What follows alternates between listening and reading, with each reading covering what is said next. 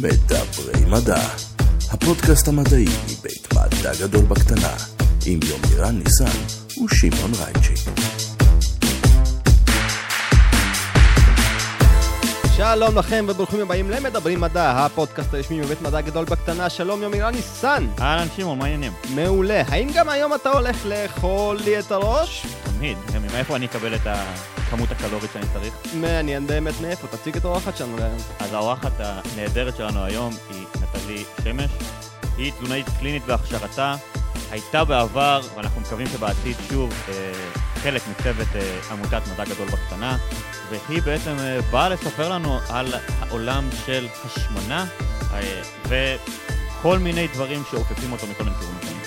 אז אם גם אתם כמוני ניגשים לדבר באמצע הלילה ותוהים, מה לעזאזל עובר עליי ועם החיים שלי? זה הפרק בשבילכם, זה הפרק בשביל כולם. בואו נתחיל לדבר מדע. שלום נטלי. שלום, שלום. שלום נטלי, ברוכה הבאה לפודקאסט שלנו. תודה רבה. כיף שאת פה. אה, שני אנשים אה, שמארחים את הפודקאסט הזה לא רזים במיוחד. מה זה? אה, ממש במצב מטריד. אני מלא במקומות הנכונים. אני, אוקיי, אז אני מלא במקומות הלא נכונים. ביחד משלימים אנחנו- אחד את השני? ביחד אנחנו כמו חתיכות. פאזל של, אה, של פאזל שאף אחד לא מוכן לקנות בשתי, בשתי חתיכות. אה, באנו להחכים. בואי תספרי קצת מה עיסוקך ואיך את יכולה לתרום לנו. אז אה, אני תזונאית קלינית, יש לי תואר ראשון ושני במדעי התזונה מהאוניברסיטה העברית. אה, הייתי עובדת אה, כמה שנים באיכילוב, והיום אני עובדת באופן פרטי. אני מרצה גם לקהל רחב אה, לקהל מקצועי, רופאים, דיאטניות בכנסים, והייתי, יומירן פה יודע, הייתי גם ראש צוות וגם כותבת במדע גדול בקטנה. מקסים. כבר אה, תארי כבוד. אה, כבר, אה, אתה יודע, כבר התחלנו מ- התחלנו הייתי צריכה מנקודה טובה. להתחיל מהסוף, מהסוף כן, צריך- צריך להתחיל מהדברים החשובים, ואת יודעת, כל התארים וזה, זה כאילו, זה משני. נכון, זה לא חשוב מצ- בכלל. מצד שני, בלי התארים וזה, כאילו לא נכנסים למדע גדול אז בקטנה. זה- דווקא בגלל זה לא הייתי צריכה לציין, כי אז היה ברור זה- שיש תארים. יש זה, כן, לגמרי. אנחנו בתקופה של מודעות הולכת ועולה ל- לתזונה, לבריאות באופן כללי. טבעונות, אם אנחנו מסתכלים כמה זמן עד שבאמת הגל הטבעוני כבש את תל אביב בסערה, תכלס לא עבר המון זמן. אני חושב נכון. שאנחנו בין המדינות המתקדמות במובן הזה. אה, מצד שני, גם יש את הטרנד, נקרא לזה אולי ה- השני של הפלאו, של אה, לאכול הרבה מאוד בשר, פשוט להוריד לחלוטין את כל מה שמעובד. זאת אומרת, אבל באופן כללי, מה שאתה אומר זה באמת לכל- נכון. לכל תופעה יש אנטי תופעה. לא, אני לא מדבר על אנטי תופעה, יש כאילו את או העניין של תופעה נלווית, אתה יודע. מודעות תזונתית והולכת וגדלה בציבור הרחב, שזה מאוד, אה, בישראל לפחות, מאוד מעודד לראות, כי זה דבר שהוא די בעייתי בעולם נכון, המערבי. גם ואם- מודעות לספורט. נכון. אה, אז אוקיי, אז מה תפקידה של דיאטנית היום? זאת אומרת, איך זה נראה...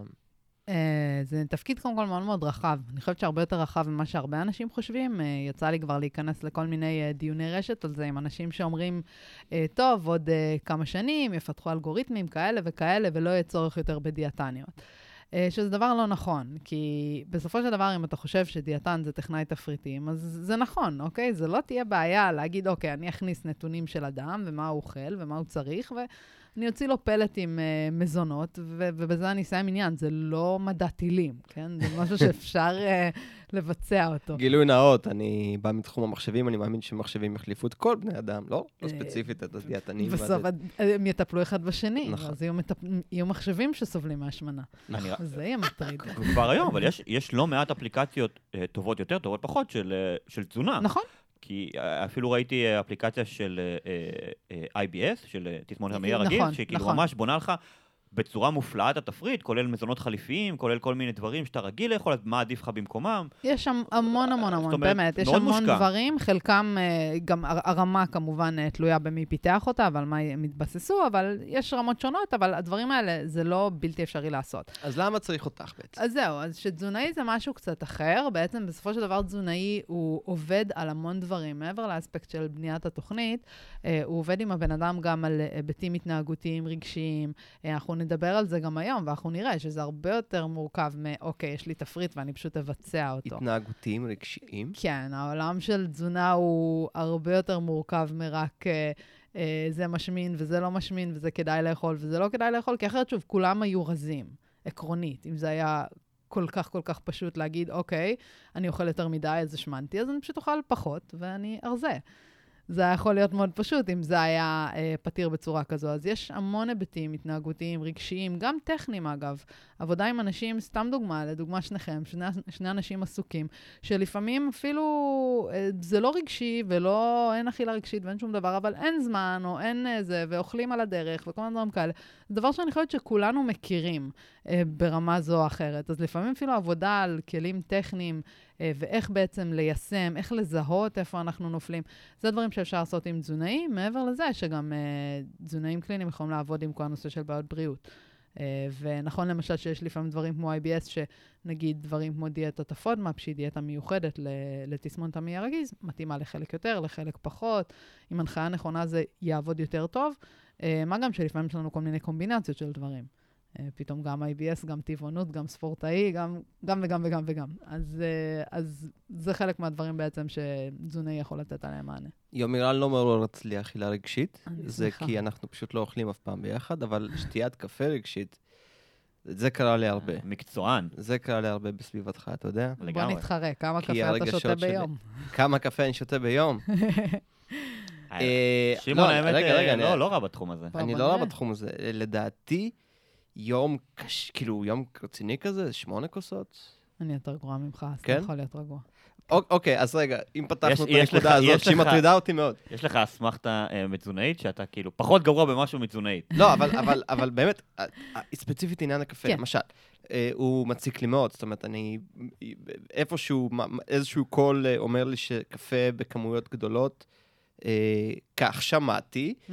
אה, לא בריא. אז אה, בואי בוא תמקמי אותי קצת על ה... אני רק אגיד שבטמקה ובוויינט ראיתי, ואני לא נראה, בשליפה, שש-שבע כותרות סותרות, אחת לשנייה, לפעמים גם של אותו כותב, לפי דעתי. זה נשמע מאוד uh, תמכאי. כן. לא מתפלאת. כן. לא, אבל אנחנו אבל לגמרי, זה, זה, מפה זה, מפה זה כבר נטלי. כן. אז זהו, זה, זה באמת משהו, אני חושבת ששוב, הרבה פעמים גם נתפס אצלנו, לפעמים אנשים מדברים על כוס קפה או שתיים שהם שותים, ומדברים על זה כאילו זה דבר ש... הורס את חייהם, הם אה, כל כך מפוחדים מזה לפעמים, באמת בגלל שכל פעם אנחנו מקבלים מסר סותר. אז בעיקרון מה שאנחנו רואים במחקרים היום זה דווקא צריכה של קפה בצריכה מתונה. מדברים בדרך כלל על בין uh, שלוש לחמש כוסות קפה ליום, uh, דווקא קשורה לסיכון מופחת לתחלואה מסוגים שונים. כן צריך לקחת בחשבון שיש אוכלוסיות מיוחדות, אתה לא בהכרח שייך אליהן, כמו לדוגמה נשים הרות. זה בטוח אתה לא שייך אליהם. אנשים לפעמים יתר לחץ דם, ילדים, בני נוער כמובן, שם צריך להיזהר יותר מבחינת צריכת הקפאין, אבל לאנשים בוגרים זה טווח שהוא יחסית טוב. אז אם שמונה זה בימים שאתה לחוץ במיוחד, אה, אז, אז זה לא, לא נורא. מה שכן הייתי שמה לב אה, זה מה בקפה. כי לפעמים קפה בא גם עם סוכר ועם אה, עוגייה, או עם סיגריה, או לא מדברת עליך ספציפית, אבל זה משהו שלפעמים אנשים לא חושבים עליו. ש... יומי לנו תחליף העוגייה שלי, ואני לא צריך סוכר כשהוא מכין לי. גד, איזה מתיקות, אני מתה. אני מסמיק פה. אוקיי, אז, אז עכשיו שהרגעת אותי.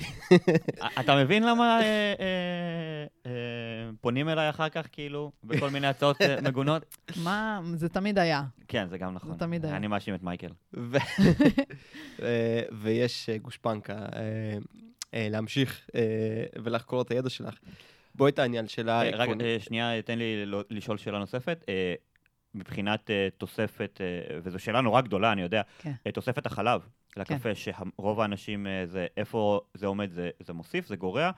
זה לא מומלץ? אה, אה, זה, שחור, אספרסו? אני חושבת שזה נורא תלוי גם מה המטרה של הבן אדם. כי אם אנחנו מדברים על קצת חלב לקפה, לכאן או לכאן זה לא יהיה משמעותי.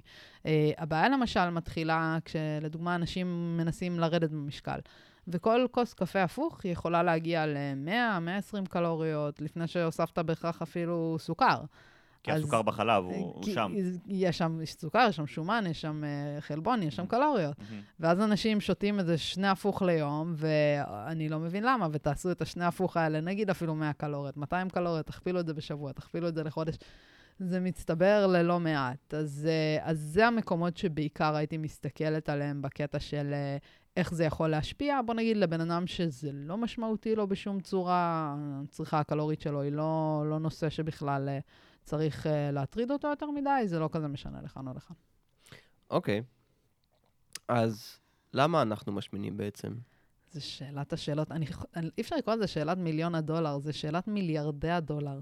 כי מי שבאמת תהיה לו תשובה על הדבר הזה, אמיתית, הוא יהיה סופר דופר מיליארדר. יהיה לו תשובה, יהיה לו פתרון. אה, פתרון, זהו, צריך פתרון. בשביל זה התחלנו אה, פודקאסט. נכון, נכון.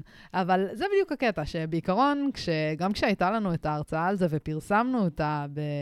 ב... בפייסבוק, אז אנשים ישר הגיבו כמובן את התשובות השנונות של מה, מה זה די ברור, אנחנו פשוט אוכלים יותר מדי, סיימנו.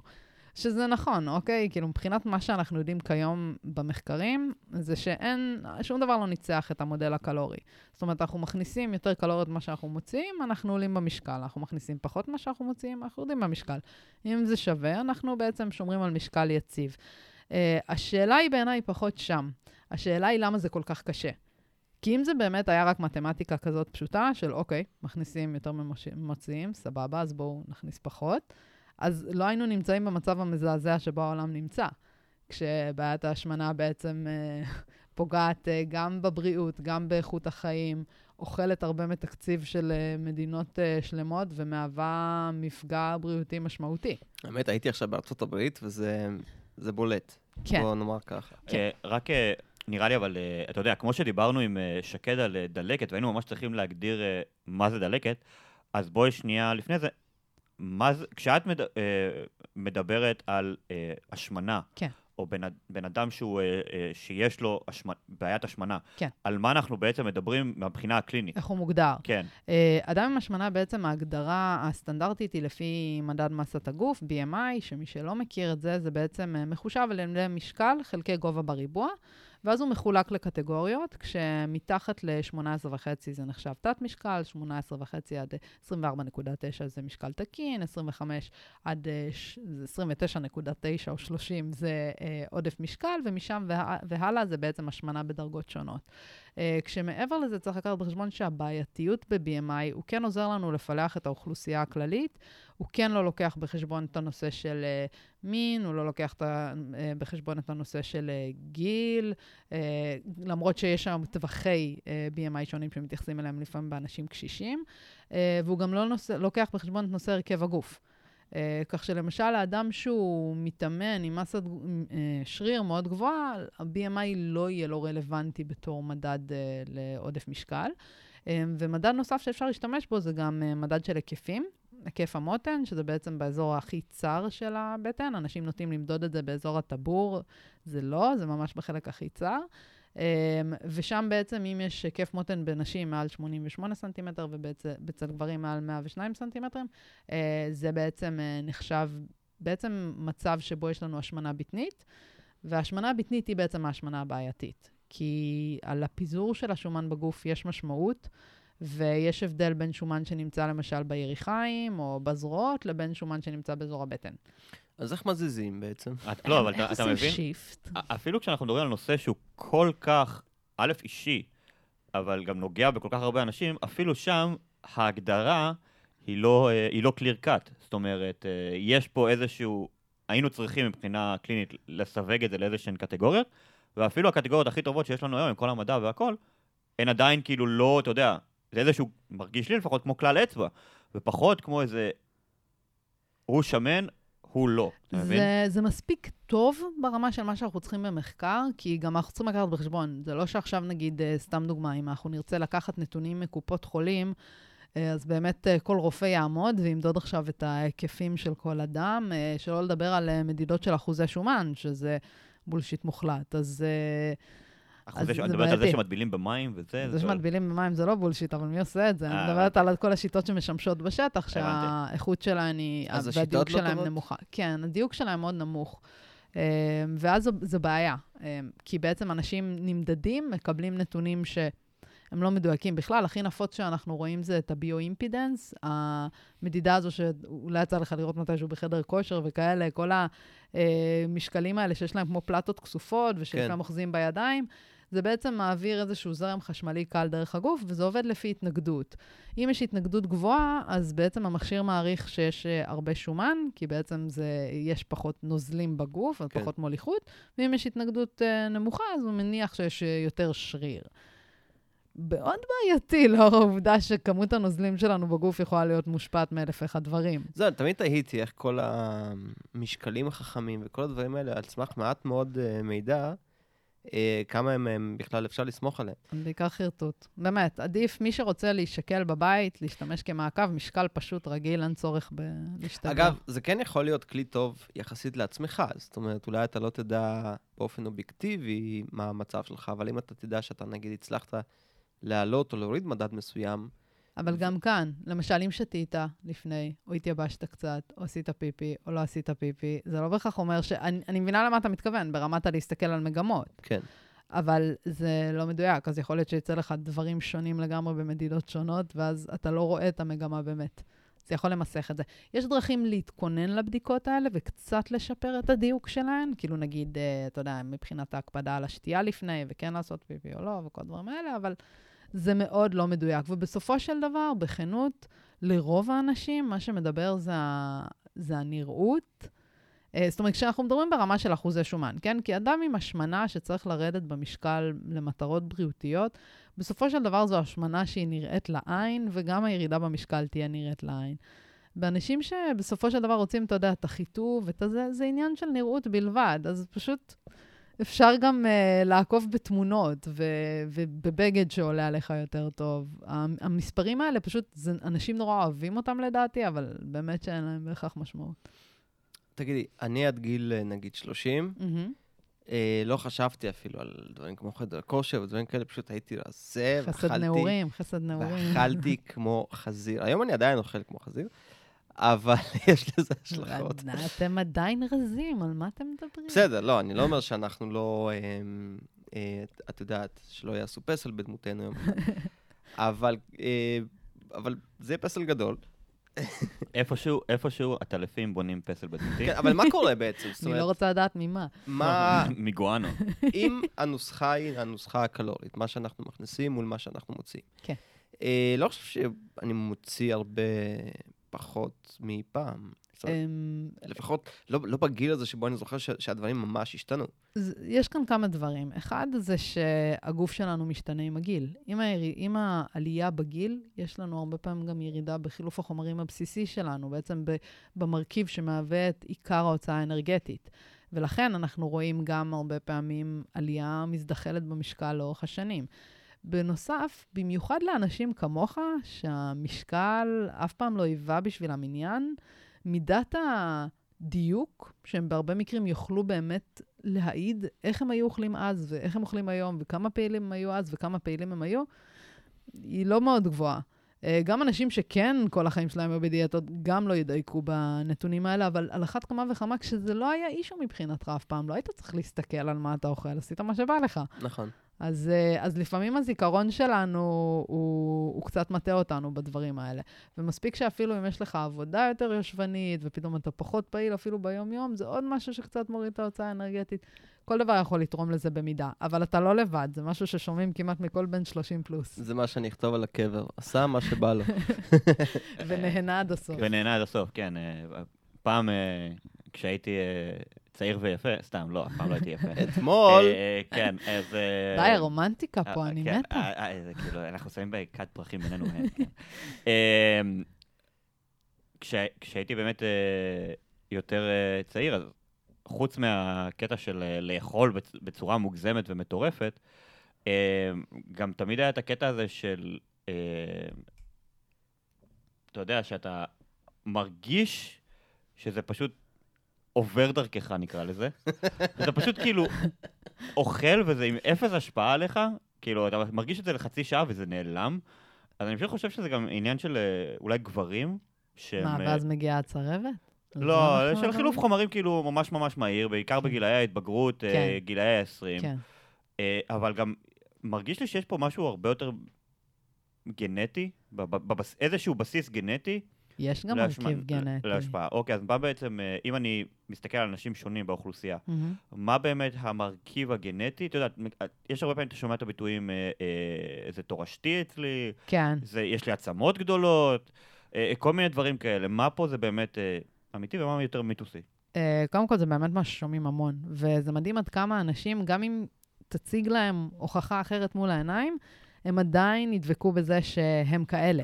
אה, פגשתי פעם איזה קופאית, אתה רוצה להגיד משהו? אני, אני, אני רק חושב על זה שבעידן הפייק ניוז שאנחנו חיים, שכולם משקרים לכולם כל הזמן, אה, אנשים כאילו היום, גם אם אתה נותן להם את העובדות הכי בפרצוף, כן. כאילו ברמת אה, זה, או שהם אה, מתעלמים, כן. או שהם פשוט כאילו מדחיקים, נכון. או שהם בוחרים לשקר במודע, ואתה רואה את זה לא מעט מהמם. פעמים, לעצמם או לסובבים אותם, אבל רק כדי לא לשנות את הדעה שלהם. אני חושב שזה אה, מומחש בצורה באמת הכי מופלאה. אה, בסרט אה, אה, באמת היפה של אה, Behind the Curve של נטפליקס, על אה. חבר'ה ש... ח- כאילו, שהעולם-. כן, אה, כן, אנשים שחושבים שכד- שכדור הארץ הוא שטוח, מוזר לי אפילו להגיד את זה, ברור כן. שהוא שטוח. אה, לא יכולתי לראות את הסרט הזה כאילו יותר מכמה דקות, זה פשוט משהו שם. אז, תראה, הוא, כאילו, איך שהוא כן, עשוי, כן, תראה, כן. תראה, חובה. אה, אבל אל תשתכנע, כן. אה, שאלו אותו, אה, את אחד הבכירים, נקרא לזה, בקה- בקהילה הזו, אם עכשיו ישימו אותך על חללית, כן. ויטיסו אותך אל מחוץ לכדור הארץ, אתה תרחף בחלל החיצון. הרי הם לא מאמינים שיש דבר כזה חלל. כן. ואתה תראה שאנחנו על כדור. האם תאמין? לא, אנש- עובדים עליי. כאילו, כן. ברמה כזו, ש- ש- שאנחנו לא מדברים פה על תנועת האוויר, שזה משהו שאתה רק יכול נכון. לראות, נקרא לזה את הרוח, את העצים זזים. אתה- מהמם. אתה פיזית רואה עצם ואתה לא מאמין שהוא שם, ברמה כזו. זה גם, אה, אני חושבת שאנשים קצת לפעמים מתאהבים בסקפטיות. נכון. זה כאילו, או שאתה אה, סקפטי ולא מאמין בכלום, או ש... וספקן בצורה מטורפת, או שאתה בן אדם שהוא כאילו פטי ומאמין בהכל. ואנשים לא מבינים שספקנות כללית היא בדיוק כמו להאמין להכל, אין הבדל. נכון. זה או לפסול את הכל או לקבל את הכל, דיברנו אבל אין בדיוק כאן על הנקודה מחשבה. הזאת עם אה, איילת בפרק איתה, והיא בדיוק דיברה על הנקודה הזאת, וזה גם כאילו, היא מגיעה ממש מהביסוס המחקרי כן. של התופעה הזו, כן. אה, כי זה התחום מחקר שלה בין היתר. Mhm. כן, אוקיי, בואי נמשיך. אז, אה, אז גנטיקה. אז, אה, אז קודם כל, באמת, מה שחשוב להבין זה שגנטיקה כן יכולה לתרום לסיכון שלנו להשמנה, אבל ברוב המקרים היא לא תגרום לנו להשמנה. וכאן בעצם אנחנו צריכים להבדיל בין אה, השמנה שאנחנו קוראים לה השמנה מונוגנית, אה, שהיא הרבה הרבה יותר נדירה, זו השמנה שבה יש לנו מוטציה בגן מסוים, שגורמת לזה שיש אה, אה, בעצם שהפרט שנושא את המוטציה, סביר מאוד מאוד מאוד מאוד מאוד להניח שהוא יסבול מהשמנה כתוצאה מפגיעה במטאבוליזם או פגיעה בבקרת אה, רעב ושובע, אה, והרבה פעמים זה גם יהיה חלק מאיזושהי תסמונת, אה, כמו פראדר ווילי לדוגמה. אה, ודוגמה טובה זה, לזה זה לדוגמה, אה, יש ילדים שהם נולדים עם חסר בלפטין. בעצם לפטין זה אה, הורמון שהוא מופרש מרקמת השומן. והוא בעצם, הרמות שלו, ככל שתהיה לנו יותר רקמת שומן, הרמות שלו עולות, ויש לו השפעה אנורקסוגנית. זאת אומרת, הוא מעודד אותנו לאכול פחות, שזה גם, בוא נגיד ככה, מבחינת ההיגיון של הגוף, זה מאוד הגיוני. אם יש לנו הרבה רקמת שומן, כדאי שנאכל פחות, כי אנחנו לא צריכים הרבה אוכל. ומה שקורה עם ילדים שהם בעצם נולדים עם החסר הזה, הם פשוט רעבים כל הזמן. הם כל הזמן מחפשים לאכול, וכשנותנים להם טיפול בעצם של הזרקה של לפטין, הם מרזים ונהיים ילדים רגילים אה, לחלוטין מבחינת המשקל. אבל זה מקרים מאוד מאוד מאוד נדירים. Um, מה שאנחנו רואים באוכלוסייה הכללית זה בעצם השמנה שאנחנו ברמה הגנטית קוראים לה השמנה uh, פוליגנית, זה בעצם כל מיני שונויות גנטיות בכל מיני גנים, uh, שהצבר שלהם יכול לתרום או להפחית את הסיכון שלנו בעצם לסבול מהשמנה בסביבה המתאימה. זאת אומרת, אם אנחנו לא uh, נאכל אחרת ולא uh, נעשה משהו שבאמת תורם לצריכה גבוהה או הוצאה נמוכה, אנחנו לא, לא נסבול מהשמנה. זה לא שאם נשכב במיטה וננשום, אנחנו נשמין. אבל יש אנשים שכן, ייטו יותר או לאכול יותר, או להשמין יותר. אז, אה, אז זה כן משהו שהוא קיים, אבל המידת השפעה שלו זה לא הדבר המכריע, בוא נגיד ככה, מבחינת השמנה. כלומר, אם אני מבין נכון, בעצם, כשאנחנו מדברים פה על השפעה סביבתית, אנחנו מדברים על השפעה אפיגנטית של הדלקה של מנגנונים שונים, שבאיזשהו תהליך, אבל, אבל זה מנג'בל, זה גם, זה גם אפיגנטיקה וגם גנטיקה. כי כן, יש כן, גם ברור. שונויות גנטיות וגם, אה, כן, שוני בהפעלה של הגנים. בגלל בין היתר, אה, נקרא לזה, מה שאנחנו ניזונים ממנו, נכון, ואיך שאנחנו חשיפות פעילים. סביבתיות. ו- ומה. שאנחנו פעילים, וזאת. אומרת... אה, לטובת המאזינים ומנחי פודקאסט שלא זוכרים את כל המונחים, אתה יכול לחזור על מה זה אפיגנטיקה? אז אה, אה, גנטיקה זה בעצם, ה... כשאנחנו מדברים על אה, אה, גנטיקה לעומת אפיגנטיקה, גנטיקה זה מה שנקרא החומר התורשתי שלנו, ה-DNA, זה שעובר בירושה אה, מאב לגן, בעצם ה... כל הרצף הזה שמאפשר את החיים. אפי גנטיקה זה בעצם כל תחום המחקר של מה שמעבר לגנטיקה, כלומר כל מה שמבקר על פעילות הגנים, מתי הם נדלקים, מתי הם נכבים, אה, כל מיני אה, תהליכים שה-RNA, שזה המולקולת ביניים בין ה-DNA להיווצרות של חלבון, איך הוא משתנה בדרך. כל העולם תהליכים הזה הוא תחת אפי גנטיקה. עכשיו, הרבה מאוד דברים תחת אפי גנטיקה הם נדלקים ונכבים אה, תחת בקרה סביבתית, כלומר, הרי אם לצורך העניין אני אוכל עכשיו בכמויות מאוד גדולות, אז הגוף שלי מפריש כל מיני חלבונים והורמונים כדי לבקר את התהליך. עכשיו, ככל שאני אוכל יותר, אז החלבונים האלה, מה שנקרא, יהיה להם איזושהי בקרה חיובית של להידלק יותר ויותר ויותר, ואז גם באיזשהו מקום, אתה יודע, הדברים האלה, מה שנקרא, הם מצטברים, וחומרי הביניים מצטברים, ואז כמובן גם השומן מצטבר, ומכאן נטלי תמשיך.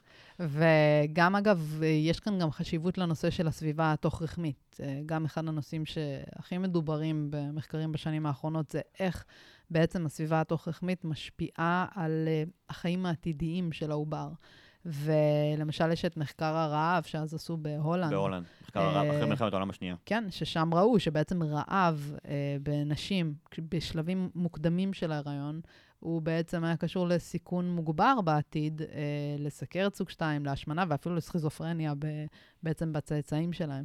אה, אז היום זה תחום שמאוד מדברים עליו, אה, בעצם איך אפשר לשפר את הסביבה התוך-רחמית וכמה צריך להתייחס לזה, גם בהיבט של משקל האם וגם מה שהיא אוכלת והדברים שהיא נחשפת אליהם, אם זה סיגריות, אלכוהול, אה, סמים, וואטאבר, כל אחד וה... לא, אבל אני, אני, זה, זה, אני מכיר, את יודעת, אנחנו עכשיו אה, גם, אה, בגיל הזה ש... חברים שלנו אה, אה, מביאים ילדים, ואתה שומע באמת אה, שהנשים ממש מקבלות הרבה מאוד ליווי כן. אה, רפואי, מה לאכול, איך לאכול, כמה לאכול, זאת אומרת, המודעות לזה נכון. היא מאוד מאוד מרשימה, לפחות ממה שאני מכיר פה בישראל. כן, יש כאן המון יחס. אני חושבת שלפעמים... הנטייה שלי היא טיפה, אם יש משהו שאני טיפה לא אוהבת שם, זה שאני חושבת שמכניסים אנשים טיפה לאובר לחץ. אני רואה לפעמים את זה גם עם מטופלות, נשים ש... כאילו כשלמשל הילד נולד וצריך להתקדם איתו טיפה במרקמים, they lose it. זה כאילו, אין להם מושג איך עושים את זה, זה המון המון לחץ, ואני לא מאשימה אותן בכלל, אלא זה פשוט לחץ שנוצר מסביב, ואז אני אומרת להן, רגע, בואו, כאילו, אימא שלנו, סבתא שלנו, סבתא של סבתא שלנו, כולן הצליחו להתקדם, ואף אחד uh, מאיתנו לא נחנק בשרשרת למוות uh, מזה שהוא לא הצליח להתקדם במרקמים.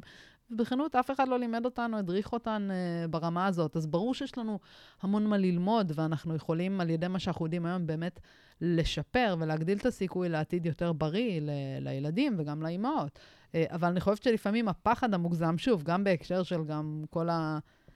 מסרים הכפולים, כמו שדיברנו מקודם, שיש ברשתות והכל, זה לפעמים קצת יכול לגרום גם לנזק. תגידי, אם כבר פאניקה, אז כן. כל פעם אנחנו שומעים על השם אחר. כן. אה, בהשמנה, או לחלופין, לפעמים זה מושיע חדש. כן. ל... אה, בואי תאזין לנו לעשות קצת סדר, זאת אומרת, איך, איך לוקחים את הדברים האלה בפרופורציה? יש, יש כזה דבר, אוכל משמין, וטוב, מן הסתם. כן. אה, לא, אגב, אה, קשה מאוד להגדיר אוכל משמין. כי בסופו של דבר, אה, משמין זה מאוד אינדיבידואלי. לצורך העניין, אם למשל, אה, אני אוהבת אורז ואתה אוהב שוקולד, אוקיי? אה, ואתה לא אוהב אורז נגיד, ואני לא אוהבת שוקולד. אז גם אם תשים לי עכשיו הר של שוקולד, אני אולי אוכל ממנו נגיד חתיכה. בשבילי אז אולי אכלתי עוד 20 קלות, 40 קלות. בשבילי שוקולד זה לא משמין, כי אני לא אתן לאכול ממנו יותר מדי. אה, ואם תשים לי נגיד אורז, לצורך העניין, אולי זה יהיה אחרת. אה, ולכן משהו שיכול להיתפס לנו כלא משמין, הוא יכול להיות באמת משמין למישהו אחד, ומשהו שהוא משמין למישהו אחד לא יהיה משמין למישהו אחר. אה, כשאני מנסה להגדיר מה זה משמין, אז בדרך כלל אני מגדירה את זה כמשהו שהוא עשיר בקלוריות, יחסית לנפח, זאת אומרת, משהו דחוס אנרגטית, טעים במיוחד, ושוב, כמובן שזה אישי, אבל כן, יש דברים שהם כזה די אוניברסליים, פיצה, שוקולד, דברים כאלה, גלידות וכאלה. אמ, וזה משהו שבאמת בסופו של דבר קל לנו לאכול ממנו הרבה ולצרוך ממנו המון קלוריות. לצורך העניין, גם אם בן אדם נגיד אוהב ירקות מאוד, אה, ב-100 גרם של ירקות יש לך 25 קלוריות, יש לך שם המון סיבים והמון נוזלים. גם אם אתה מאוד מאוד מאוד מאוד מאוד אוהב ירקות, להגיע לצריכה קלורית מאוד מאוד גבוהה, יהיה לך קשה, בעוד שבחפיסת שוקולד יש לך 500 קלוריות וכלום נפח, אם אתה אוהב שוקולד, זה יהיה קל. רגע, אנחנו הגענו לשלב בפודקאסט שנקרא. ש- שמעון שואל, לא, לא, שמעון, להפך, אנחנו רוצים להתעכב. שמעון שואל שאלה מטומטמת, כי הוא... אין לא- שאלות הוא מטומטמות. לא מהתחום, אה, זה נכון. אה, המילה קלוריות, כן. אנחנו כולנו מכירים אותה, אנחנו יודעים שהרבה זה... אף אחד לא... זה טוב, זה רע, מצד אחד משמינים מזה. מצד שני... זהו, זה מידת אנרגיה. כן. אני, אני יודע את זה, ועדיין אני לא כל כך מבין איך זה מתקשר לגוף שלנו. אני זוכר, אני אה, בן 40, אז כן. כשהייתי אה, בן משהו כמו 15, אני חושב, הייתה פרסומת בטלוויזיה, כן. בננה פצצת אנרגיה צהובה, בטח, גם אני זוכרת. ויש בה 92 קלוריות בלבד. מעניין מי דייק עם השתיים האלה. כאילו לא כל יודע. בננה זה זה אבל יוצא הם, אבל, ממפעל. הם, אבל הם, הם, הם באותה פרסומת, כן. גם אמרו כאילו שמספר הקלוריות בה הוא משהו משהו בלבד. כן, זאת אומרת, הייתה פה הטיה... כן, קודם כל זו כן. אמירה שאי אפשר לעשות ו- על פרי, זה בטוח. וידעתי גם אז שקלוריה זה מידת אנרגיה, אז כאילו למה זה... אז בואי תסביר שנייה. קלוריות, מה, מה המדד הזה בכלל אומר? למה יש הרבה קלוריות? מתי מהמם. אנחנו מסתכלים על קלוריות? מתי אנחנו מסתכלים על שומן, אוקיי. סוכר וכל החברים? זה גם מחבר אותנו, האמת, לנושא של שאלת הדיאטות. כי... במילים אחרות, תני לנו בביוכימיה רגע. בביוכימיה. יאללה, אני לא ביוכימיה. אחפור יותר מדי בביוכימיה, אבל לא, בעיקרון.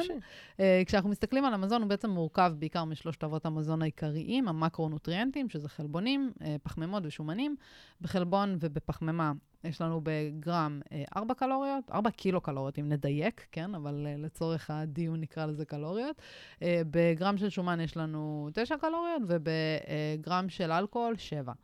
Um, כך שבעצם הדברים האלה תורמים לנו אנרגיה לגוף. עכשיו, בפרסומת של הבננה, לצורך העניין, לקחו את האנרגיה ואמרו, הנה משהו חיובי, אתה אוכל את זה, אתה מקבל אנרגיה, אוי, נהדר. הבעיה היא בעצם מה קורה כשאנחנו צורכים עודף אנרגיה.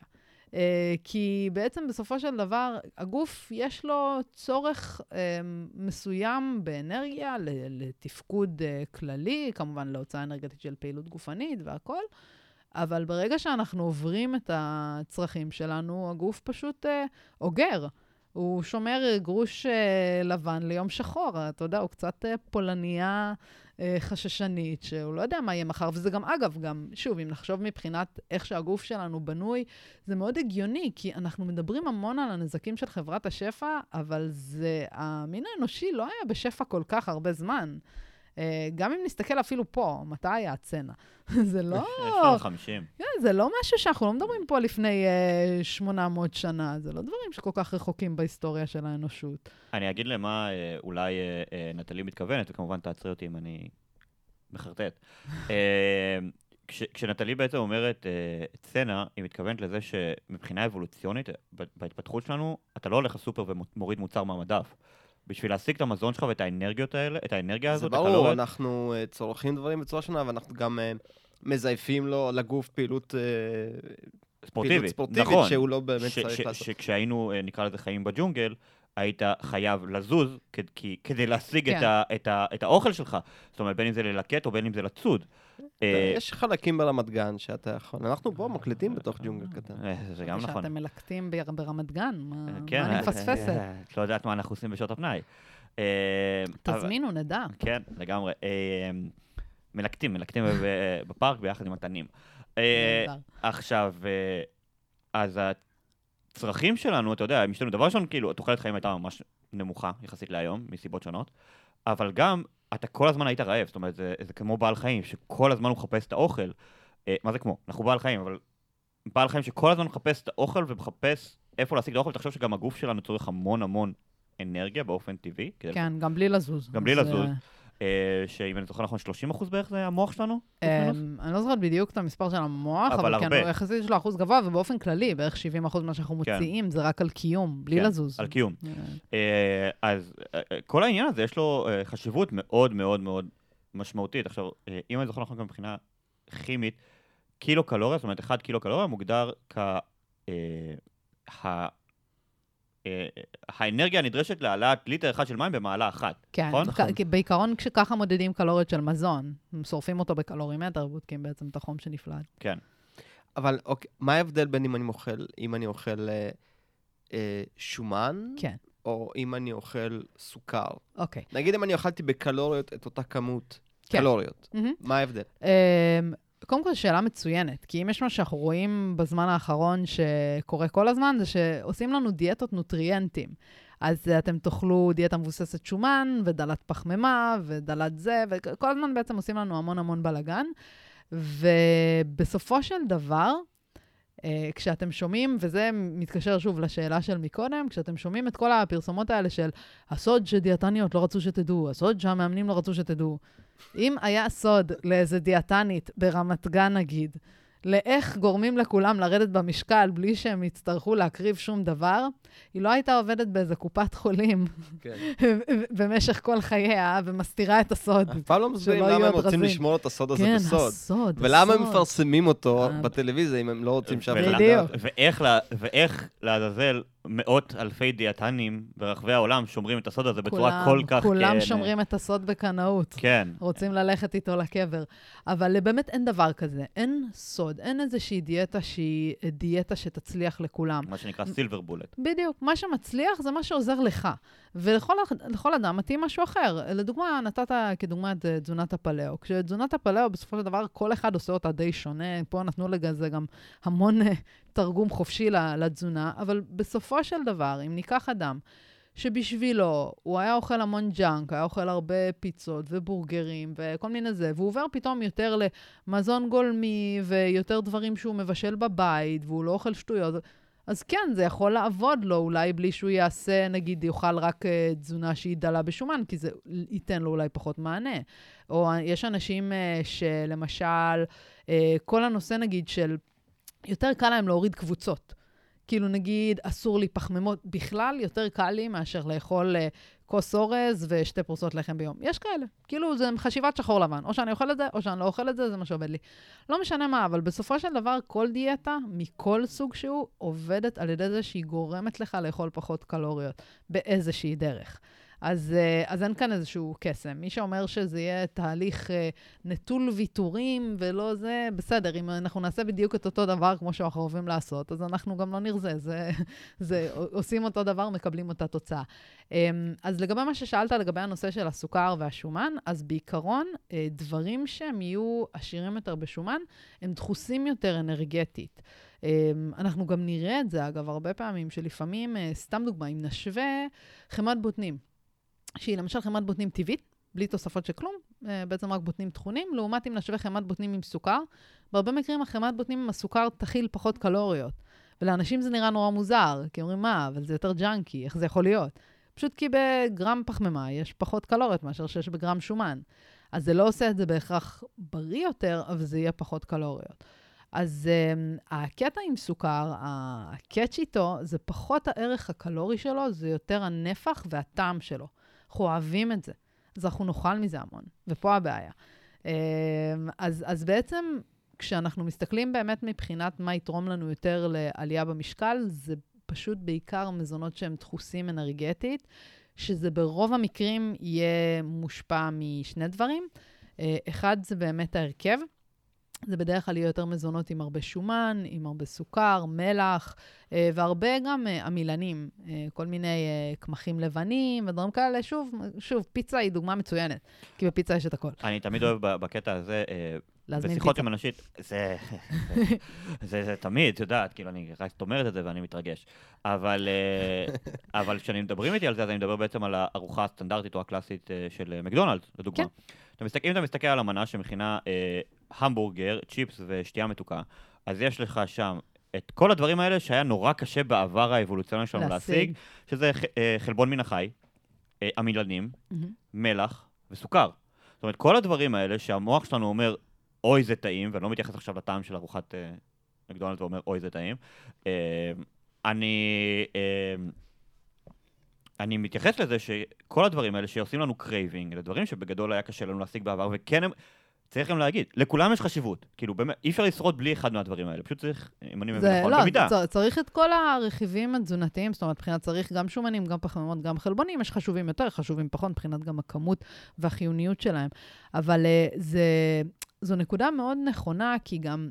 כל הנושא הזה של שומן, לדוגמה, שאגב, זה נורא מעניין, כי שומן בעיקר נתפס לנו ברמת המרקם. אם תחשבו על יוגורט, לדוגמה, שהוא יהיה נגיד דל שומן, לעומת uh, כזה יוגורט עשיר בשומן, אתם תרגישו את ההבדל במרקם, הוא יהיה לכם יותר כיפי uh, כשהוא יותר, יותר שמן. קרמי. יותר קרמי. אבל יש, אגב, שאלה במחקר, האם בכלל שומן זה לא טעם? האם אנחנו לא חווים את הקרמיות הזו בעצם כאיזשהו טעם uh, שישי? Um, אז באמת, שומן מסמל לנו שיש במזון הזה הרבה אנרגיה. סוכר גם. שוב, אם נחשוב על האדם שהיה באמת האדם הקדמון שהסתובב לו בשטח, לא היה לו תווית מזון להסתכל. הוא היה כותב לא איזה היה אז משהו... מדבקות אדומות? בדיוק, לא אדומות, לא ירוקות, שום דבר להדריך אותו. אז אם הוא היה מוצא איזשהו פרי, או תואם איזשהו משהו, הוא היה צריך איזושהי אינדיקציה להאם הדבר הזה יהרוג אותי, או יזין אותי. אז uh, זו, זו בעיקרון הטענה סביב זה שאנחנו לא נמשכים, ל, לא באופן טבעי בכל מקרה, לאוכל מריר ולא אוכל חמוץ, כי מר זה טעם של uh, רעלים בטבע, וחמוץ זה טעם של דברים מקולקלים, זה יותר טעמים נרכשים. בעוד שמלח וסוכר, אלה דברים שהם כאילו חיוניים, גם שוב, לא היה...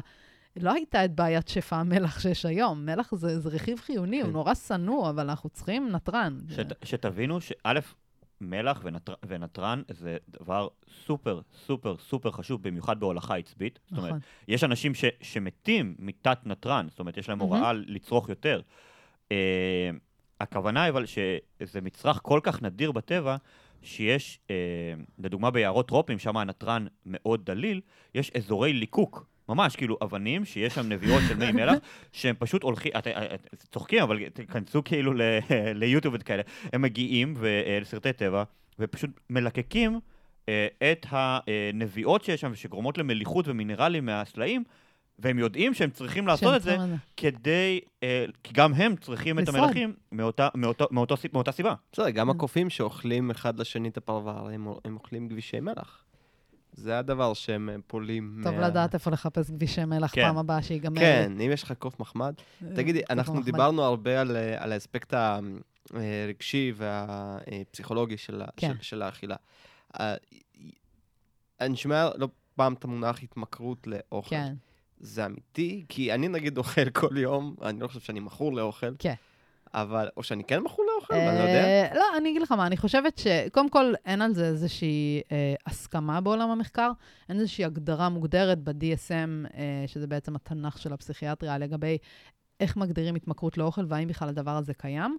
אה, אני, מההסתכלות המקצועית שלי, חושבת אה, שמהעדויות שיש לנו היום, יש סיכוי טוב שזה קיים, זה פשוט לא מסביר את תופעת ההשמנה, זה לא משהו שיש לרוב האנשים, אלא זה משהו שקיים. אני חושבת שיש איזושהי זילות לפעמים במילה התמכרות. Uh, לפעמים אני פותחת טלוויזיה ואתם רואים כזה, אנשים מדברים, כן, אנחנו כאומה, אנחנו מכורים למלח, אנחנו מכורים ל... בואו תירגעו. כאילו, התמכרות זה, זה מילה חזקה, כן? התמכרות זה גם אה, מנגנון פיזיולוגי, זה מנגנון נכון. נוירולוגי. נכון. ש, שהוא די מפוענח בצורה לא רעה על, על אפטייקים ואינטייקים במוח שלנו, שפשוט אחראים על, על התחום הזה, אבל זה לא... רואים גם את הקטע כן. של ההשפעה על דופמין וסרוטונין, בוודאי, כל בוודאי, המערכת של בוודאי. תגמול ועונג, זה מאוד בוודאי. מושפע שם. חד משמעית. ו... וזה באמת, אני חושבת ששוב, רואים גם את ההבדל.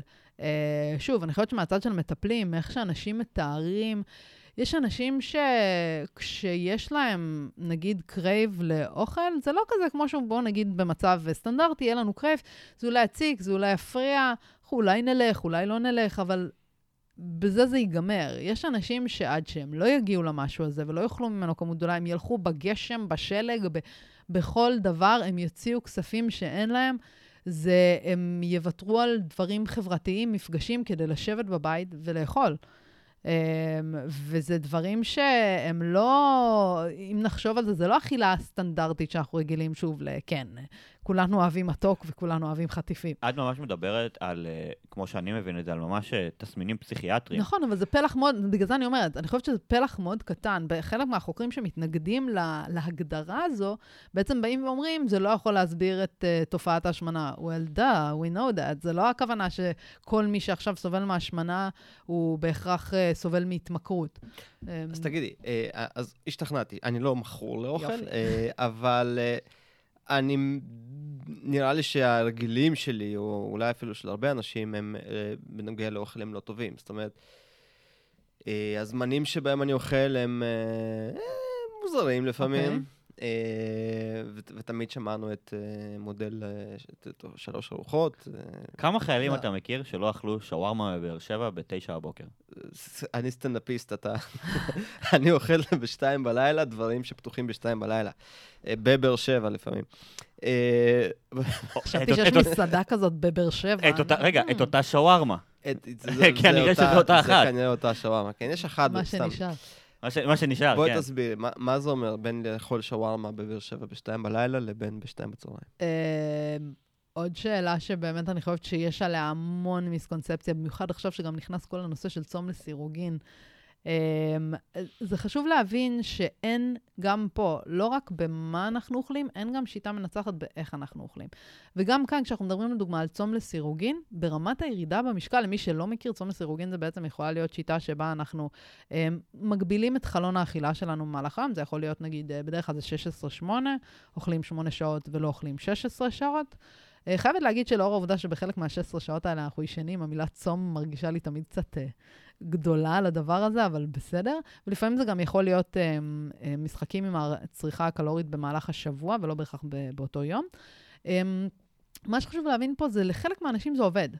כי מה זה עוזר להם? זה מגביל להם את חלון האכילה. לצורך העניין, אם אמרת שווארמה בבאר שבע בשתיים בלילה, אם אתה אומר, אני אוכל אה, עד נגיד אה, שבע בערב או שש בערב, ומגיע שתיים בלילה, ואתה מת מרעב ובא לך שווארמה, אבל אתה אומר לעצמך, לא, אני החלטתי שאני לא אוכל אחרי אה, שבע בערב, אז אתה חסכת לעצמך בעצם את הצריכה של השווארמה. וזה בעצם, זה מה שזה עושה. ברגע שזה מגביל לאנשים את החלון אכילה, זה מצמצם להם את השעות שהם אוכלים, אז הם אוכלים פחות. זה לא עובד לכולם, אגב. יש אנשים שאתה תגיד להם, עכשיו אתם לא הולכים לאכול כמה שעות, בחלון אכילה הזה הם יאכלו פי שניים. זה כאילו יהיה הפחד הזה שעכשיו אני כמה שעות לא אוכל לאכול, אז אני אוכל עוד יותר. אז גם כאן זה לא בהכרח משהו שעובד לכולם. יש אנשים שעובד להם לאכול מעט ארוחות גדולות, יש כאלה שאוהבים לאכול מעט ארוחות, אה, סליחה, הרבה ארוחות קטנות. אין כאן משהו שהוא בהכרח עולה על האחר. פעם היה מאוד מאוד קלאסי, צריך לאכול כל 3-4 שעות. ועד היום, אגב, אנשים אומרים, לא, צריך לאכול כל 3-4 שעות, זה חשוב למטאבוליזם. מה יקרה אם לא נאכל כל 3-4 שעות? מה יקרה איך למטאבוליזם? שתייה קשורה לזה? שתייה היא לא מאוד קשורה לזה, כמו שנוטים להגיד. לדוגמה, מחקרים לא מראים שיש, uh, הנה, on the queue, יומירן שותה, למי שהיה מודאג שלא תהיה כאן התייבשות. Uh, יש איזושהי נטייה בשטח לטעון ש... אנחנו מתאים בין שתייה לאכילה, זאת אומרת, בין, סליחה, בין רעב לצמא. שאם אנחנו צמאים, אנחנו יכולים בטעות לאכול, אה, כי אנחנו חושבים שזה בעצם רעב. מחקרים לא ממש מראים את זה, אבל בסופו של דבר, שתייה באופן כללי זה דבר חשוב לתפקוד של הגוף, כי אנחנו גם מכילים הרבה מים. אז אה, זה משהו שכדאי. אה, ובאופן כללי, אבל כמובן שחשוב לשים לב למה אנחנו שותים. כי אם יש משהו שבהחלט, אה, אני חושבת שאין יותר מדי עוררין על הנזק שהוא יכול לגרום, זה שתייה מתוקה מכל הסוגים. שזה הדרך הכי אה, פשוטה לדחוף קלוריות אה, וסוכר לגוף בלי להרגיש בכלל. אה, בסדר, אה, אה, כשאנחנו אומרים אגב, רק חשוב להגיד, הרבה אנשים חושבים שמיצים טבעיים, זאת אומרת שהם ממיץ סחוט טבעי, זה דבר מאוד בריא. עכשיו, זה נכון, יש בהם דברים טובים, כמו ויטמינים, כמו ברזל, תלו, כאילו כמובן תלוי במיץ, כן, במקור, במקור שלו, אבל אה, יש בו גם המון, המון, המון, המון אה, סוכר, וכמו פוסט אה, סופר ויראלי שנטלי כתבה בזמנו, סוכר פירות זה כמו סוכר לבן. נכון. זה מבחינה ביוכימית, זה דו-סוכר וזה דו-סוכר. זה מתפרק לגלוקוז, ויש לכם גלוקוז בגוף, זה סוכר. נכון. אז... אה, בדיוק ככה. אה, כל כך שנאו אותי על הפוסט הזה, זה וואו, מדהים. כמה תגובות וואו, קיבלנו וואו, עליו. וואו. וכזה, חבר'ה, כאילו, זה, זה כאילו, לא יודע מה, זה... זה... אבל אגב, זו דוגמה, ביוכימיה, מצו- זו- 101. זו דוגמה מצוינת למקרה שאנשים קוראים רק את הכותרת. טוב, יש לנו את זה הרבה. ברור. אה, דוגמה טובה. כמות הפעמים שכאילו קיבלנו איומים וקריאות נאצים ודברים כאלה, רק על הכותרת, את יודעת. כבר הפסקנו להתרגש, אנחנו כבר לא סופרים. כבר- הפתרון. הוא לא לכתוב כותרות, זהו, בלי כותרת. בלי- כותרת. אה, עכשיו, הנקודה היא שהרבה אנשים חושבים שזה מאוד בריא, אז הם גם שותים את זה בכמות גדולה. נכון. עכשיו, תחשבו על זה שנייה, אה, שבמיץ קוץ, לדוגמה של מיץ תפוזים, שאני גם באופן אישי מאוד אוהב, אה, אין רק תפוז אחד, כמו שאם הייתם אוכלים את התפוז עצמו, יש לפעמים שלוש או ארבע, ארבעה נכון. תפוזים, זה המון. אה, אותו דבר... וכמה קל לשתות כוס וכמה- מיץ ו- לעומת ו- לאכול כן. את כל הפרי מסיביים והכל. בדיוק. עכשיו, מאותה סיבה זה גם שמתאמנים, שבאמת צריכים הרבה מאוד קלוריות, שותים שק חלבונים או אנרגיה, מהמם. זה בגלל שאתה בכוס אחת יכול לקבל בצורה מאוד פשוטה גם הרבה מאוד אה, קלוריות, כלומר סוכרים ופחמימות, וגם הרבה מאוד חלבון. כי אתה יכול לדחוס, בש, ב, ב, וגם הספיגה של זה לגוף שלך דרך המעיים היא מאוד מאוד מהירה. מהמם. ואנשים הרבה פעמים לא חושבים על הדברים האלה אה, כשהם בדיאטה. אה, שתיתי כוס מתפוזים, זה בריא. לא, שתית כרגע טונות של סוכר. אה, וזו בעיה. זה מוביל אותי האמת לשלוש נקודות, אבל כן. אה, כן, אז הן יותר חשובות מהשאלה שרציתי לשאול. אתה תזכור אותה אבל? אני אזכור את השאלה. כן. תזכור, אני אזכיר לך אם לא. אז יש אה, שלושה דברים שרציתי להגיד בהקשר למה שאמרת. קודם כל, זה באמת דברים שהם אה, מאוד מאוד נכונים, וזה מחדד לנו כמה נקודות. אחד, את ההבדל בין בריא לרזה, זה לא בהכרח הולך ביחד. אה, כשהיה היה איזשהו אייטם לפני כמה, ש... אני חושבת שזה היה שנה, שהיה איזה אייטם על... על אה, קרין גורן. אני לא יודעת אם זה היה על קרין גורן, אבל אה, זה היה, אה, זה שיקרא לדיאטניות השטן? זה? לא, אני לא, אני, יכול. יכול להיות. אני מדבר על זה שעשו לה המון בדי שיימינג, על, אה, על הקטע אה. של, של אה, שאת לא בריאה, אה, על זה שיש לה... אה, עכשיו אתה מעלה לי נקודה רביעית. כן, כן, אה, אז בואי תמשיכי אז משם. זהו, זה נקודה רביעית, אבל אני כבר אגיע אליה. זוכר את הכל. אז, אה, אז ההבדל בין רזה לבריא, היה איזשהו אייטם בטלוויזיה, דיברו על, אה, הראו כל מיני מנות במסעדות, והראו איזשהו סלט, שהסלט הגיע לאיזה אלפיים קלוריות, משהו כזה. והיה המון אה, ויכוחים ברשת. אנשים אמרו, מה אתם מנסים להגיד? אבל הסלט זה בריא, זה ככה, זה ככה. ומה שאנשים לא מבינים, ואני חושבת אגב שהטעות הייתה באייטם, כי מה שהאייטם עשה, זה השווה לאיזושהי חברת בורגרים, שאני לא אזכיר את שמה, ובעצם הראה שהמנה שלהם רזה יותר. עכשיו, זו טעות בסיסית, כי השאלה היא לא, אה, אוקיי, או שאני אוכל סלט מלא קלוריות, או שאני אוכל המבורגר, אלא השאלה צריכה להיות, אם אני בוחר סלט, נגיד, במסעדה, אז איך אני עושה את זה סלט רזה? כי זה לא בלתי אפשרי, כן? זה לא, שהסלט, זה לא שהירקות במסעדה הם שמנים יותר מירקות אחרים. זה כל התוספות. אנחנו מוסיפים קרוטונים וגבינות וכל מיני uh, רטבים וטחינה וזה, והכל בעצם מוסיף. Uh, אז כאן חשוב להבין שלפעמים משהו שנתפס לנו כבריא, אם זה אגוזים ושקדים ואבוקדו וכל מיני גרנולות למיניהם וזה, לא בהכרח יהיה דל קלוריות. ואגב, גם להפך, יש דברים שהם דלי קלוריות, זה לא בהכרח דברים שאנחנו תופסים אותם כשיא הבריאות. נגיד, אה, לצורך העניין, דיאט קולה, אה, זה לא משהו שאנחנו נגיד, וואי, זה מזין כמה ויטמינים ומינרלים אנחנו הולכים לקבל מהדיאט קולה הזו, אבל זה כן רזה. אז זה לא תמיד הולך ביחד. זה הנקודה הראשונה. הנקודה השנייה זה הנושא של, אה, אני חושבת שזה נושא מאוד חשוב, הנושא של הפירות, גם עכשיו ממש היה על זה אייטם, וחשוב לשים לב לזה. כן, בפרי ממוצע יש 2-3 כפיות סוכר. אה, תלוי כמובן בגודל הפרי, לא תלוי אגב בטעם שלו, אה, אם הוא מתוק או חמוץ, זה, זה לא נגזר מכמה אה, סוכר יש בו, זה היחס בין הסוכר ל, ל, בעצם חומצות של הפרי. אה, אבל אני חושבת שמה שחשוב להבין זה שלפעמים יש איזושהי התמקדות לא נכונה. כלומר, כשאני רוצה לרדת במשקל, אני כן צריכה לקחת בחשבון שבפירות יש סוכר ויש קלוריות, כן? זה לא, זה לא ירק. אבל אם בן אדם לצורך העניין, אה, נגיד, קחו לדוגמה למשל אדם שהוא במשקל תקין, והוא אוכל אה, תזונה רגילה, יצא לכם לשמוע את ההמלצה שאומרים לרוב האוכלוסייה עד שלוש מנות פרי ליום? כן. עכשיו, למה? מה ההיגיון מאחורי להגביל משהו שמחקרית לא ראו שהוא תורם בשום צורה לבעיות בריאותיות, למאכלות כרוניות ולהשמנה? איפה הבעיה? אם בא אדם ואומר, אני לא אוכל שטויות, לא אוכל חטיפים, אני אוהב פירות, אני אוכל 6-7 פירות ביום. איפה הבעיה כאן? ויותר מזה, צריך לזכור שאני מסתכל על זה טיפה רגע מכיוון אחר. בפירות יש הרבה מאוד uh, סיבים תזונתיים. וגם פיתוכימיקלים וויטמינים כמובן, ומינרלים. והרבה מאוד דברים uh, uh, ש- שתורמים, אני מדבר ספציפית על, הסיבי, על הסיבים, כן. מה, מהסיבה שלא נגענו בזה עדיין בפרק. uh, סיבים יש להם תכונה מאוד מאוד מאוד טובה לגוף שלנו, שהם מעודדים גדילה בריאה של המיקרוביום ושל החיידקי מעיים היעילים נכון. והטובים שלנו, שהם אלה שבעצם ניזונים מה, מהצמחים, ואנחנו הרי מכניסים צמחים לגוף, לצמחים יש אה, תאית, צלולוזה שמקיפה אותם, אה, בדופן, והם אלה שמפרקים אותה בשבילנו ומסייעים לנו, והסיבים הם בעצם מתאפשרים להחזיק מיקרוביום בריא, שמחקרים רבים הראו גם בבני אדם, הרבה מחקרים בעכברים, נכון. הראו השפעות אדירות של, אה, של המיקרוביום והחיידקי מעיים שלנו על ההשמנה. נכון. אה, וזו עוד סיבה שכאילו, לאכול פירות, נכון, יש בזה סוכר. שסוכר אבל... לא, פשוט לקחת את זה גם בחשבון. בחשבון, גם כן, ההגבלות על נכון. סוכר מדברות על סוכר מוסף. נכון. יש הבדל גדול בין זה לבין פרי. וזה מטריף אותי כשאנשים מסתכלים על נושא למשל של מדד גליקמי, שזה בעצם מדד שמראה לנו עד כמה אה, מזון מסוים שמכיל פחמימות מעלה לנו את הסוכר בדם, הם משווים לדוגמה אה, שוקולד לפרי, ואז הם אומרים, אה, הבננה הזו מעלה לי את הסוכר יותר מהר מהשוקולד, אז עדיף שאני אוכל שוקולד. לא, ממש לא.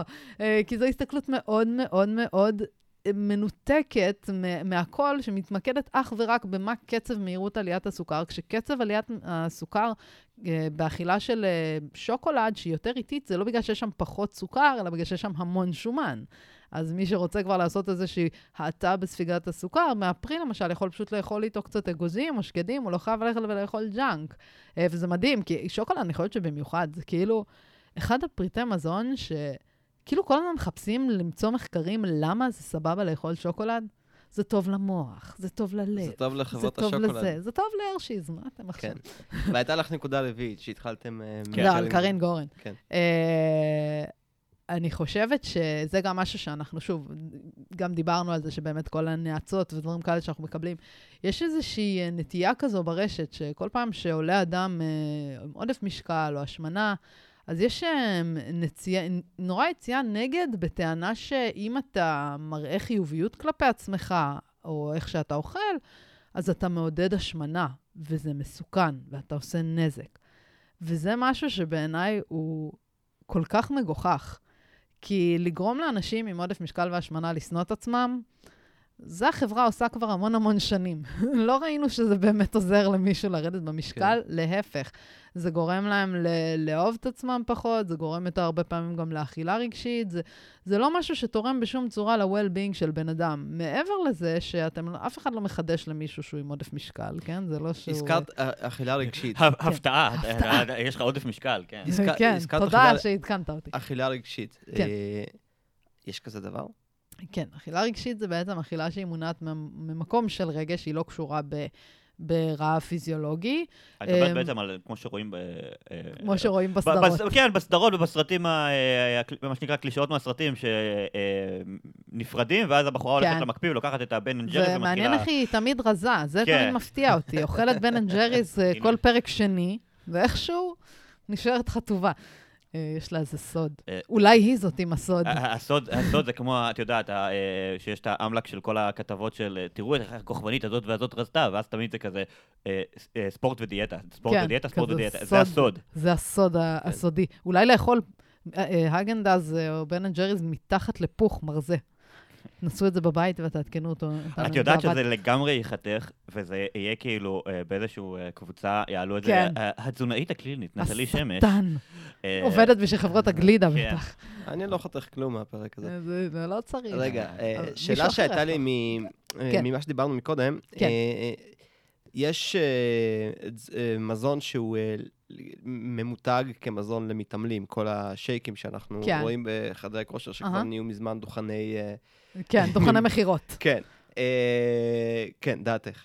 אמ, בוא נגיד ככה, כשאנחנו מסתכלים בסופו של דבר על איזה דברים יכולים לתרום למתאמנים, אנחנו צריכים לחלק את זה גם על איזה מוצרים אנחנו מדברים וגם על איזה מתאמנים. כי יש הבדל בין uh, ספורטאי מקצועי שמתאמן uh, 6 שעות או 8 שעות ביום, לבין uh, אדם מן השורה שעושה אולי אימון uh, שלוש פעמים בשבוע, או אפילו גם אם הוא עושה כל יום, שעושה אולי איזה שעה, שעה וחצי, שחצי מהם הוא מדבר בטלפון או עם איזה בחורה שהוא ראה על ההליכון, אז עושה לא- עושה סלפי לאינסטגרם עושה בינתיים. סלפי, נו, בדיוק, כן, אימון, נו. אימון תמונות ל, ל, למראה.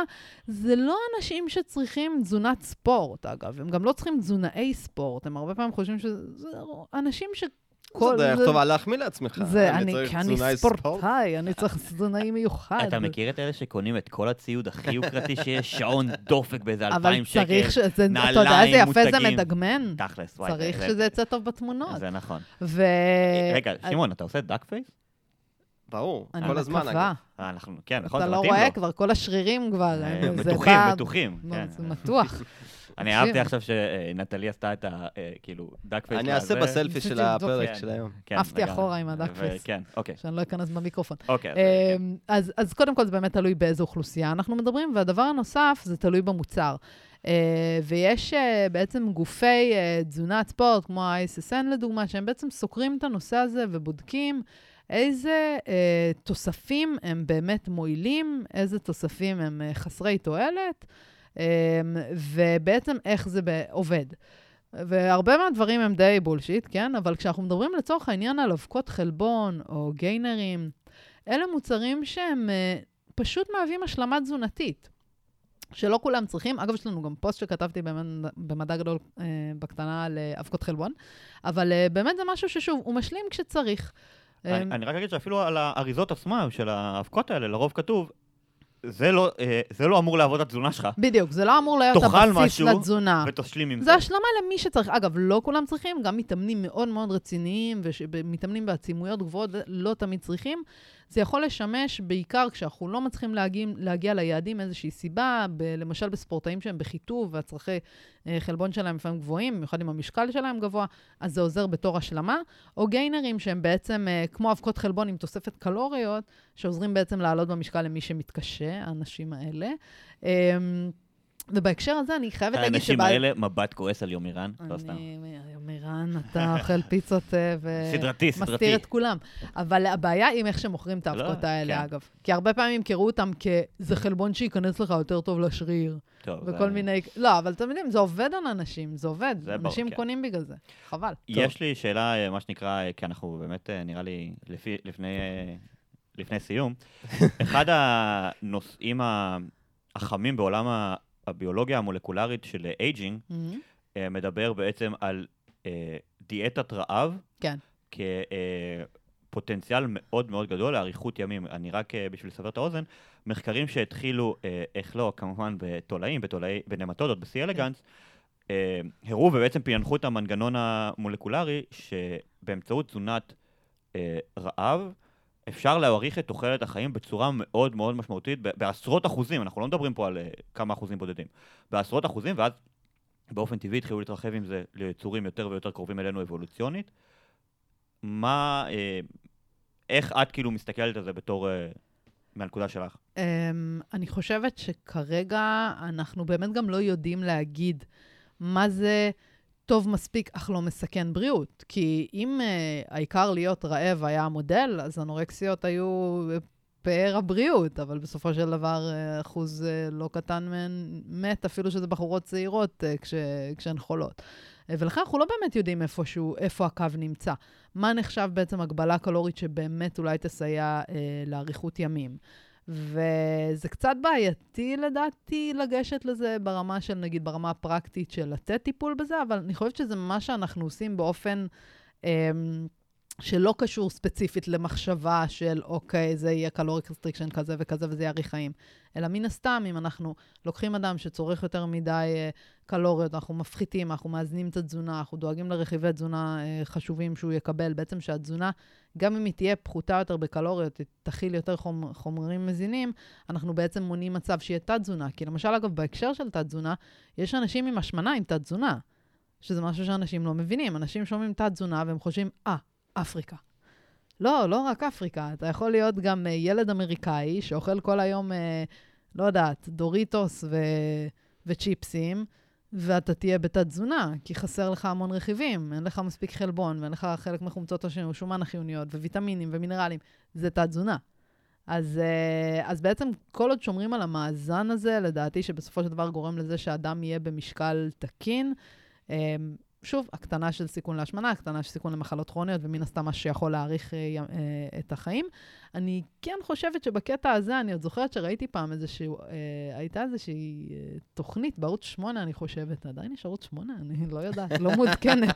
ערוץ 8, אם אתה שם, אני מתנצלת. אז, אה, אז היה איזשהו איש שהוא באמת חי לפי ה caloric restriction במטרה להאריך את ימיו, והוא אוכל באמת תפוח ואיזה שתי כפות משהו, ו... להגיד לכם את האמת, כשהסתכלתי על זה מהצד, זה פשוט העציב אותי. כי אני חושבת שבסופו של דבר, שוב, אוכל זה חלק מההנאות בחיים, ולהפוך את זה למשהו של טוב, נחיה לנצח, אבל כן. לא ניגע לעולם בשום דבר שטעים לנו, זה כבר מרגיש לי די אומלל, כאילו, צריך למצוא את הבלנס. נראה לי שזו נקודה מצוינת uh, לשים uh, נקודה, או לפחות uh, פסיק, uh, בסוף הפרק הזה של המסע שלנו, uh, במדברים uh, מדע. Uh, נטלי, פרק uh, ראשון מסוגו בפודקאסט. ראשון מסוגו, כן, פרק רפואי ראשון. איזה כיף. ראשון מסוגו, כי לירח טסנו כבר פעמיים, וסרטן ריפאנו איזה שלוש. זהו, פספסתי את הריפוי ואת הטיסה. כן, פעם אבל, הבאה אה, שאני באה, אני רוצה שנרפא סרטן על חללית. חללית? לירח. זה, זה פרק חי, פרק שבו מרפאים אה, סרטן על חללית בעזרת תזונה נכונה. כולם ירצו לבוא. כן, אני מקווה ש... לי לי הפרק הזה עשה ממש טוב, בניגוד. לחלק מהפרקים האחרים. קיבלת אישור לקפה, אה, חיים טובים. נכון, קיבלתי אישור לכמויות הקפה, ובכלל, אה, אני חושב שזה קצת אה, הוריד מרמת החששות שהרבה חברות מסחריות רוצות שנחיה בו. כל העולם רוצה שתפחד. כל ה... כן, רוצה פחד שתפחד, מוכר נהדר. אה, ויקנה את הדברים אה, שבמקרה הם מציעים כפתרון. אבל אה, כן, תאכלו בריא, אה, אל תדאגו למראה שלכם. מה שנקרא, אה, העצה הידידותית של, של הדודה, מה שנקרא, או של הסבתא, הכל במידה. הכל במידה. אה, הכל כן. במידה, אה, ואם לא, אז יש אנשי מקצוע שיכולים לסייע ולתת לכם אני רק אגיד שבאמת... טיפ טוב יותר מאשר תוכניות בוקר. זה החשיבות של האנשי מקצוע בקטע הזה היא מאוד מאוד גדולה, כי כמות השרלטנות נכון. ב- בתחום התזונה הוא עצום. כל אחד יכול לקרוא לעצמו היום יועץ תזונה, יועץ השמנה, יועץ אה, לא יודע מה.